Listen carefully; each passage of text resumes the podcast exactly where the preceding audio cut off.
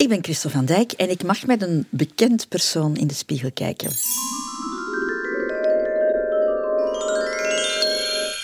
Dag Bart Herman. Dag Christel. Doe je dat graag? In de spiegel kijken? Ja.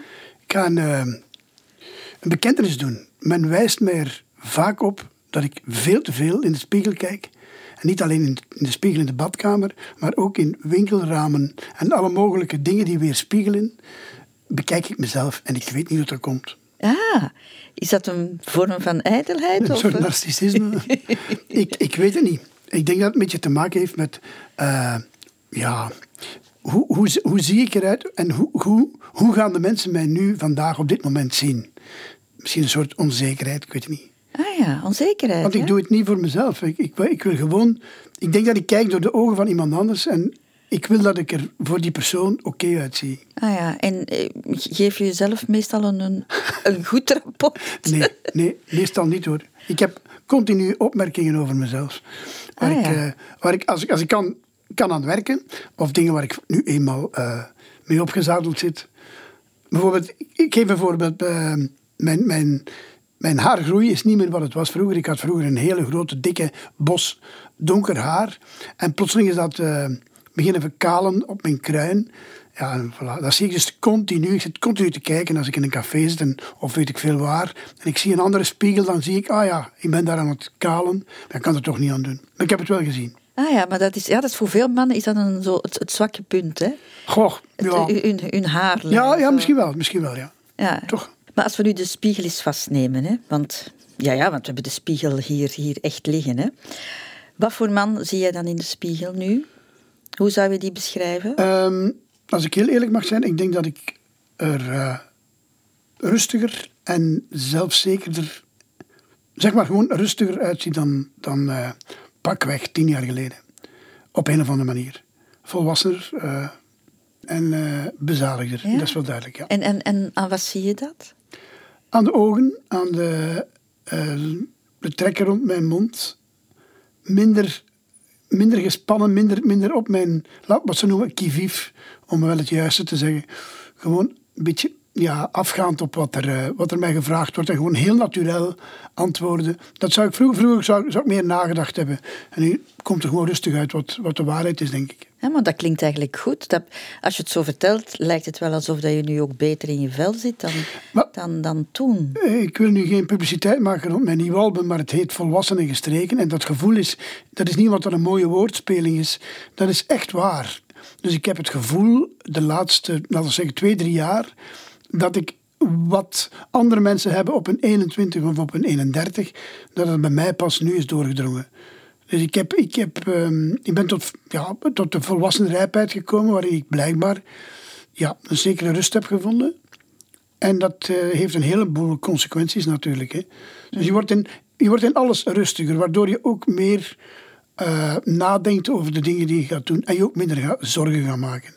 Ja. Is dat nu wat andere mensen het pensioen noemen? Ik, ik durf het niet zeggen. Bij mij is het, voelt het aan als: oké, je bent er waar bijvoorbeeld bij mijn geval mijn broer, die is tien maanden ouder dan ik, maar die had dit gevoel, dat zie ik ook bij hem, die had dat 30, 40 jaar geleden al. Bij jou heeft het, heeft het wel moeten bij mij, bij mij heeft het heel lang geduurd. En dat heeft volgens mij ook wel te maken met mijn zoektocht naar authenticiteit en naar, naar, naar een beroepskeuze ook, waarin ik mij 100% gelukkig zou kunnen voelen. En daar zat, mijn lat lag natuurlijk wel hoog. Hè. Dus als je het in Vlaanderen wilt maken in de, in de muziekbusiness, of in de muziek toekoer, ja, dan moet je er wat voor over hebben. Je, ja, bijvoorbeeld een, een, echt gewoon stabiel gezinsleven zat er in het begin ook niet in. Uh, je, je, werd van uh, hot naar her gesleurd, optreden, altijd maar weer streven naar, naar het ene doel, die volle zalen die je wil bereiken. En nu heb ik die. Dus dat is wel een leuk gevoel. Dus, uh, je hebt dat stabiele, dat stabiele leven. Ik heb een stabiele relatie, ik heb een stabiel werkschema.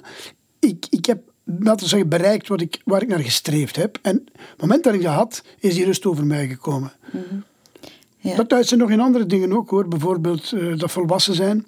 Uh, mensen geloven mij soms niet als ik zeg dat ik pas uh, op mijn vijftigste mijn eerste nieuwe auto heb gekocht. Alle auto's daarvoor waren, waren tweedehands. Ik heb ook nooit een huis gekocht voor mijn, voor mijn zestigste.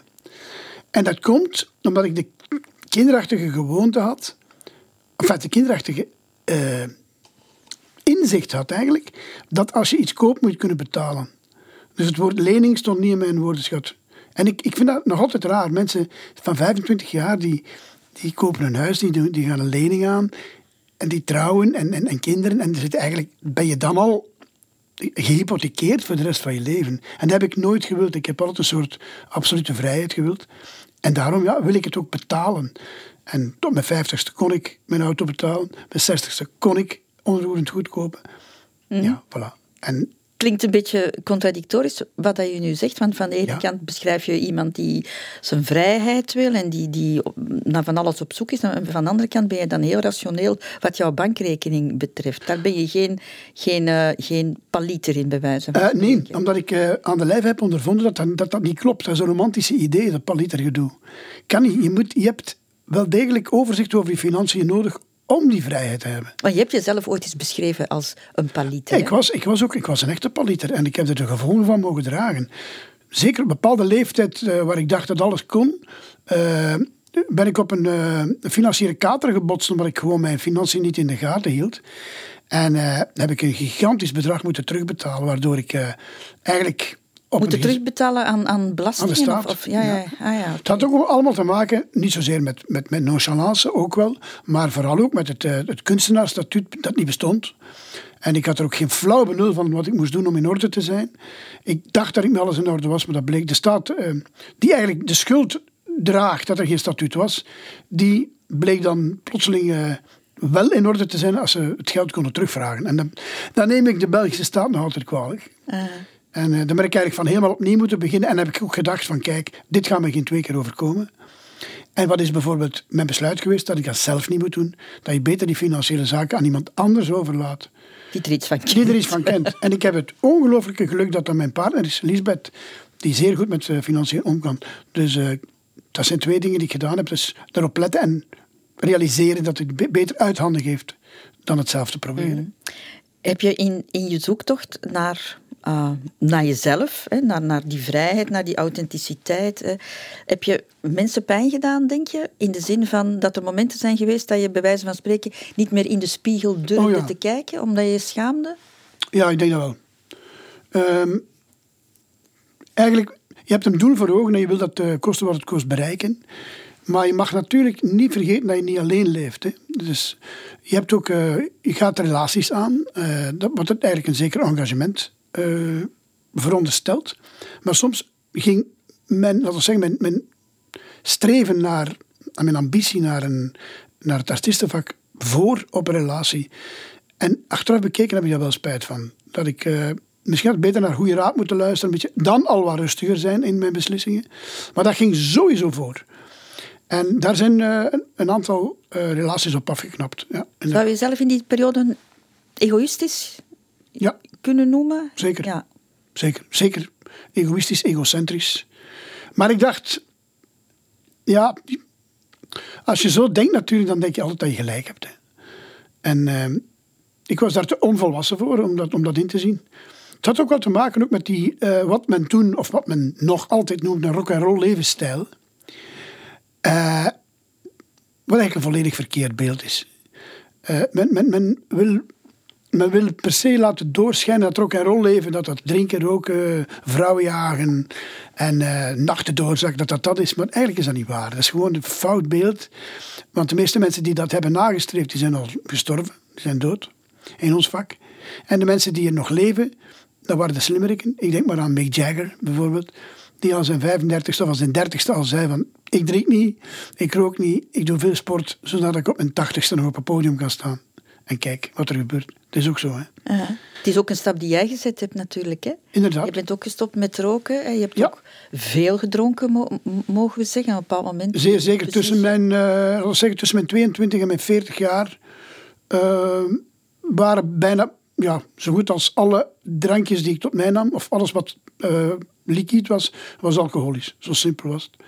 Dus wij, eigenlijk ben je, zonder dat je het weet, bijna 24 op 24 beneveld laten we het ons zo noemen. Je ligt daarvoor niet in de goot, integendeel, je ziet dat bijna niet. Maar eigenlijk om, om, om, om te zien dat je een, een probleem hebt ermee met, met de alcohol, dat gaan ze je niet zeggen. Waarom niet? Omdat je continu omringd bent door mensen die hetzelfde denken. Maar achteraf eh, hoor ik dan, ik, ik, ik verwijs nu eventjes naar een interview dat ik gelezen heb met Dan, Dan Karate, of Karate, Ja, de, de, De dan, de, dansman. de choreograaf, ja. waar niemand van wist dat er een ideale schoonzoon uit. En die, die had zo niet, zo, zo niet nog een grotere alcoholverslaving dan ik. En eh, die heeft dan nu toegegeven dat hij eigenlijk 25 jaar continu zat was. Is het dan leven in een soort van mist? Eh, zeer zeker, zeer zeker. Maar je weet dat zelf niet. Dus jij leeft... Het is een heel rare ervaring als je het achteraf bekijkt. Jij leeft niet in een mist. Je denkt dat iedereen in een mist leeft, behalve jij. Het is omgekeerd. Hè. Jij loopt in een soort bol. En de andere mensen leven in de realiteit. Maar jij denkt dat jouw bol, dat die, dat, dat de realiteit is. En dat is pas een gevoel dat je, ja, dat je maar weet als je daaruit stapt. Je kan geen afstand nemen als je erin zit. En dat is het grote probleem. Je denkt dat je gelijk hebt. Je denkt dat andere mensen niet genoeg kunnen, dat die niet tegen de drang kunnen. En dat ze nu geen fysiek genoeg hebben om door elkaar rolleven te kunnen, te kunnen blijven leiden. Maar de natuur is de natuur en de natuur roept je op een bepaald moment terug. Hè.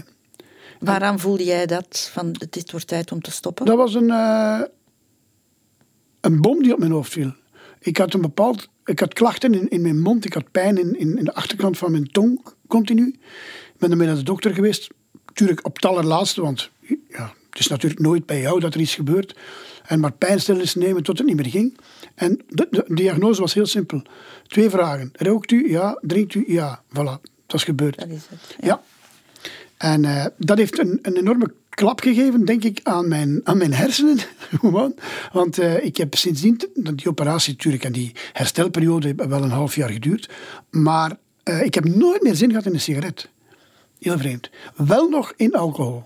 Dat, dat was later. Dat pas later. En ik heb de indruk dat je hersenen dat niet, dat niet rechtvaardig vinden. Dat de de hersenen denken, oké, eh, met de tabak is eruit, maar dan mag je wel nog eh, wat alcohol drinken. Hè. En zo gaat, ben je terug bezig met, alcohol. Dan overdrijf je daarin.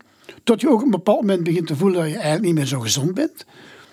En ook dan heb je, heb je nood aan een soort... ehm, een soort shock die, die doet beseffen dat je niet goed bezig bent. En dat kan, dat kan een opmerking zijn van... In mijn geval bijvoorbeeld was dat een opmerking van een kind van 15, 14, 15 jaar. Die zei, waarom doe jij zo raar? Dus een kind weet niet wat er op dat moment aan de hand is. En toen dacht ik van, er moet dus wel degelijk iets zijn. Want alle volwassenen die dat zeggen, dan, ja, die, die behoren niet tot jouw kring. Hè? Maar een kind dat dat zegt, dan denk je, ah, tja. Dat is wel straf. En dan zeg je van, Zo één, één simpel zinnetje. Heel simpel zinnetje, ja. En eh, dan denk je van, zou het dan toch misschien... En ik heb dat op een bepaald moment ge- gewoon... Je voelde ook aan, aan, aan relaties dat die, niet, eh, dat die niet goed zaten. En, en door, die, door die ene trigger zeg je, weet wat, ik ga eens proberen om het niet meer te doen. Gewoon, ik ga tegen mezelf zeggen, vanaf morgen vroeg drink ik geen enkel, geen druppel alcohol meer. En ik heb dat gedaan. En de één dag wordt twee dagen, drie dagen, vier dagen. Vrienden van mij, ik heb eigenlijk een voorbeeld gehad, een, eh, een heel goede vriend, Etje Ska, je moet die misschien nog gekend hebben. Dat is een zanger uit, eh, uit het Brugse. Die, die was toen al acht jaar gestopt. En ik dacht, als hij dat kan, zo'n rock en roll figuur, dan kan ik dat ook. En die belde mij elke dag op. Niet om daarover te praten, maar gewoon om een gesprek te hebben. Maar ik voelde dat hij dat deed om te zien of ik, of ik het volhield. En dat werd dan een week, dat werd twee weken, dat werd drie weken. Uiteindelijk is dat nu veertien jaar. En dat is de tofste beslissing, de wijste beslissing die ik ooit in mijn leven heb genomen. Hoe zag jij jezelf in de spiegel in, in die periode dat je, dat je nog dronk? Je kijkt minder in de spiegel. Dat is mij achteraf eh, toch wel opgevallen.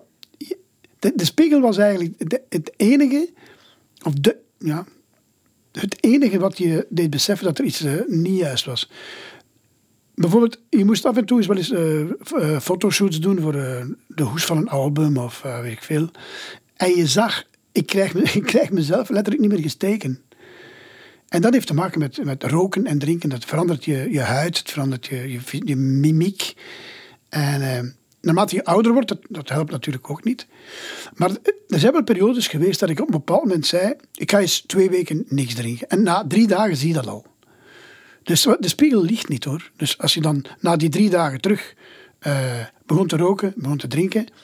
Ja, dan zag je na twee dagen al eh, het, het resultaat. Hè. En dat was niet fraai. Mensen zeggen dat ook, hè. Je, hebt een rare kleur van huid. En natuurlijk geloof je dat niet, maar in de spiegel zie je dat.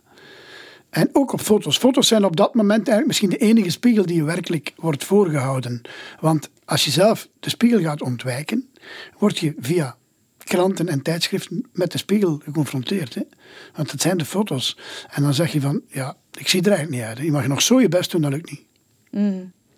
Ik, kan, ja, ik kan nu fotoshoots uh, naast die leggen van, van 20 jaar geleden en je ziet zo het verschil. Wanneer vond jij jezelf op je mooist? Uh, als ik heel eerlijk mag zijn, uh, tot mijn 15 jaar, denk ik. Maar tot mijn. Misschien tot.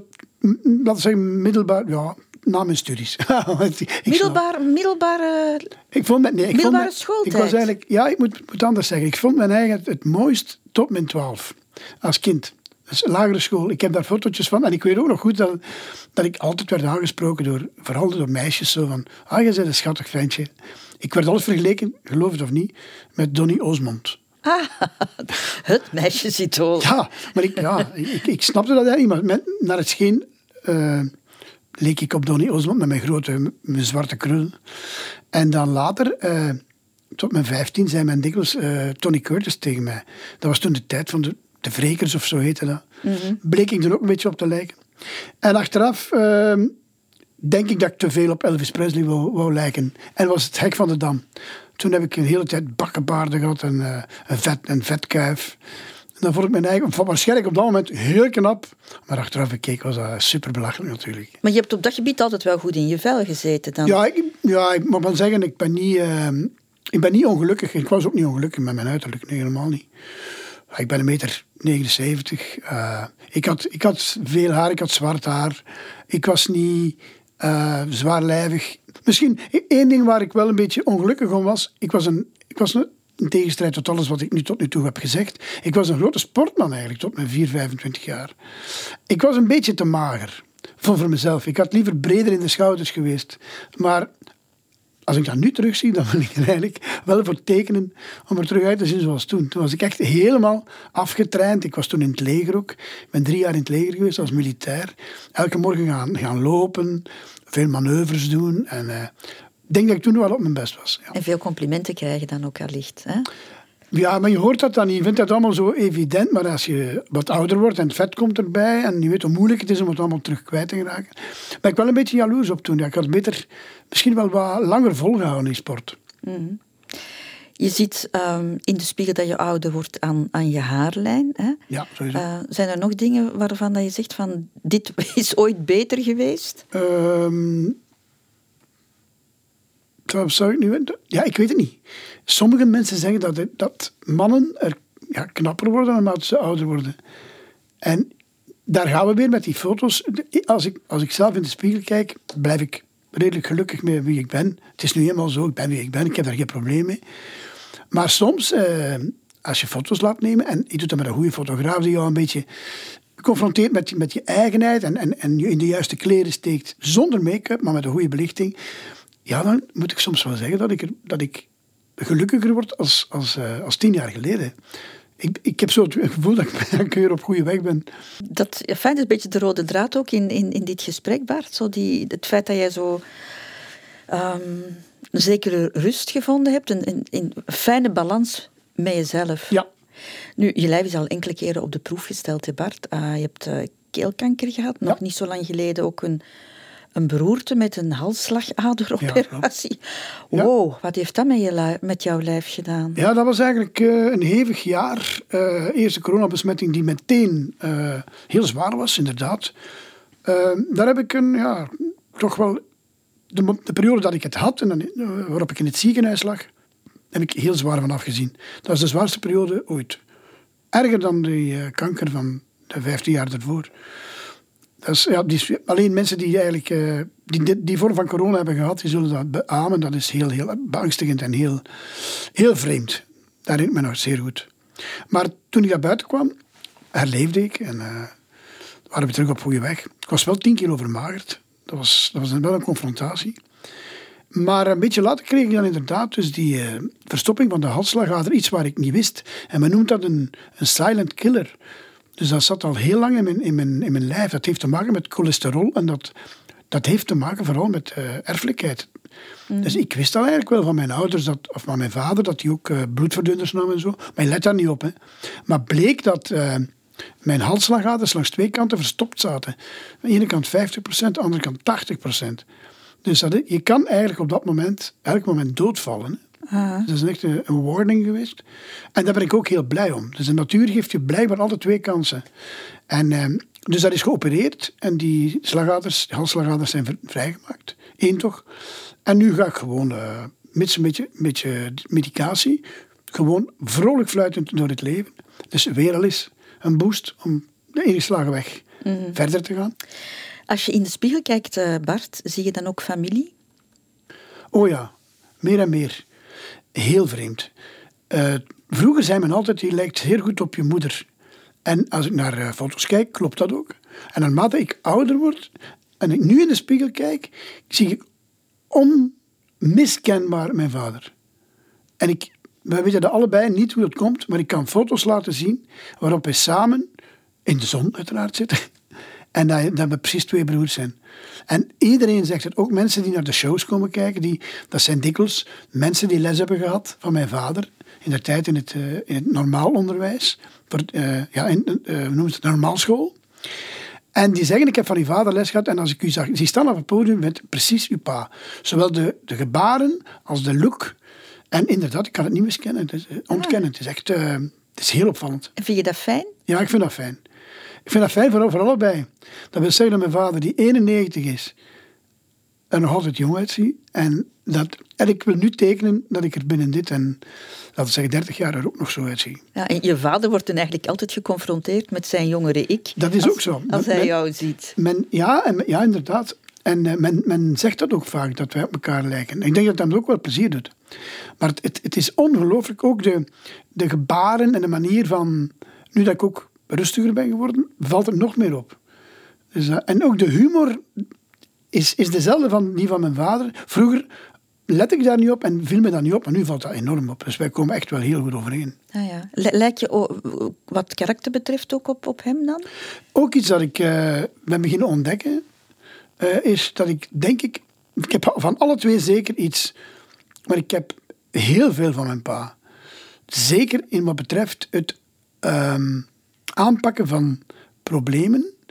En dat is een heel specifieke, specifieke manier. Dat is ze stilzwijgend aanpakken, de problemen, en er, en, en er op die manier eigenlijk omheen gaan. Zoveel mogelijk de problemen vermijden. En als ze er zijn, ze dan pas aanpakken. En conflict vermijden. Conflicten compleet vermijden. Ik heb met mijn vader, ik heb mijn vader nog nooit kwaad gezien. Heb je ooit gebotst met hem? Nee. In je jonge jaren? Nee. nee? Laatste vraag, uh, Bart. Wat vind jij het mooiste aan jezelf? Oeh, dat is een moeilijke. Dat zal iedereen wel zeggen, denk ik. Maar ja, dat is heel persoonlijk natuurlijk. Ik denk dat ik uh, het mooiste aan mezelf, ik ga het niet fysisch zeggen. Ik denk dat ik, dat heeft een beetje te maken met dat uh, ontkennen van, uh, of ontkennen niet, het, vermijden van, van, van problemen en van conflicten. Dat ik het altijd en overal heel goed met mensen voor heb. Ik, men kan mij geen beter plezier doen of meer plezier doen en gelukkiger laten leven dan wanneer ik iemand anders kan gelukkig maken en gelukkig zien. En dat is de intentie die ik altijd en overal heb. En ik denk dat dat toch wel een, een zekere kwaliteit mag genoemd worden. Je vermijdt het, hè, om een mooi lichaamsdeel te benoemen. Ah, uh, een mooi lichaamsdeel. Geen idee. Ik zou... Misschien heb ik mooie ogen. Maar dan moet ik dan weer aan andere mensen gaan vragen. Hè. Ik weet het niet. In elk geval, ik heb levende ogen. Ik, ik heb alles gezien en ik, probeer, ik kan ook makkelijk iemand doorgronden. Ah, ja. Ik kan er doorkijken, maar ik kan ook veel zien. Is dat mooi? Ik weet het niet. Ogen als voelsprieten ook. Ja, ja, absoluut. Zeer zeker. Ja. Dankjewel Bart Herman. Het was fijn om samen in de spiegel te kijken. Dank en, je hebt, en je hebt mooie ogen.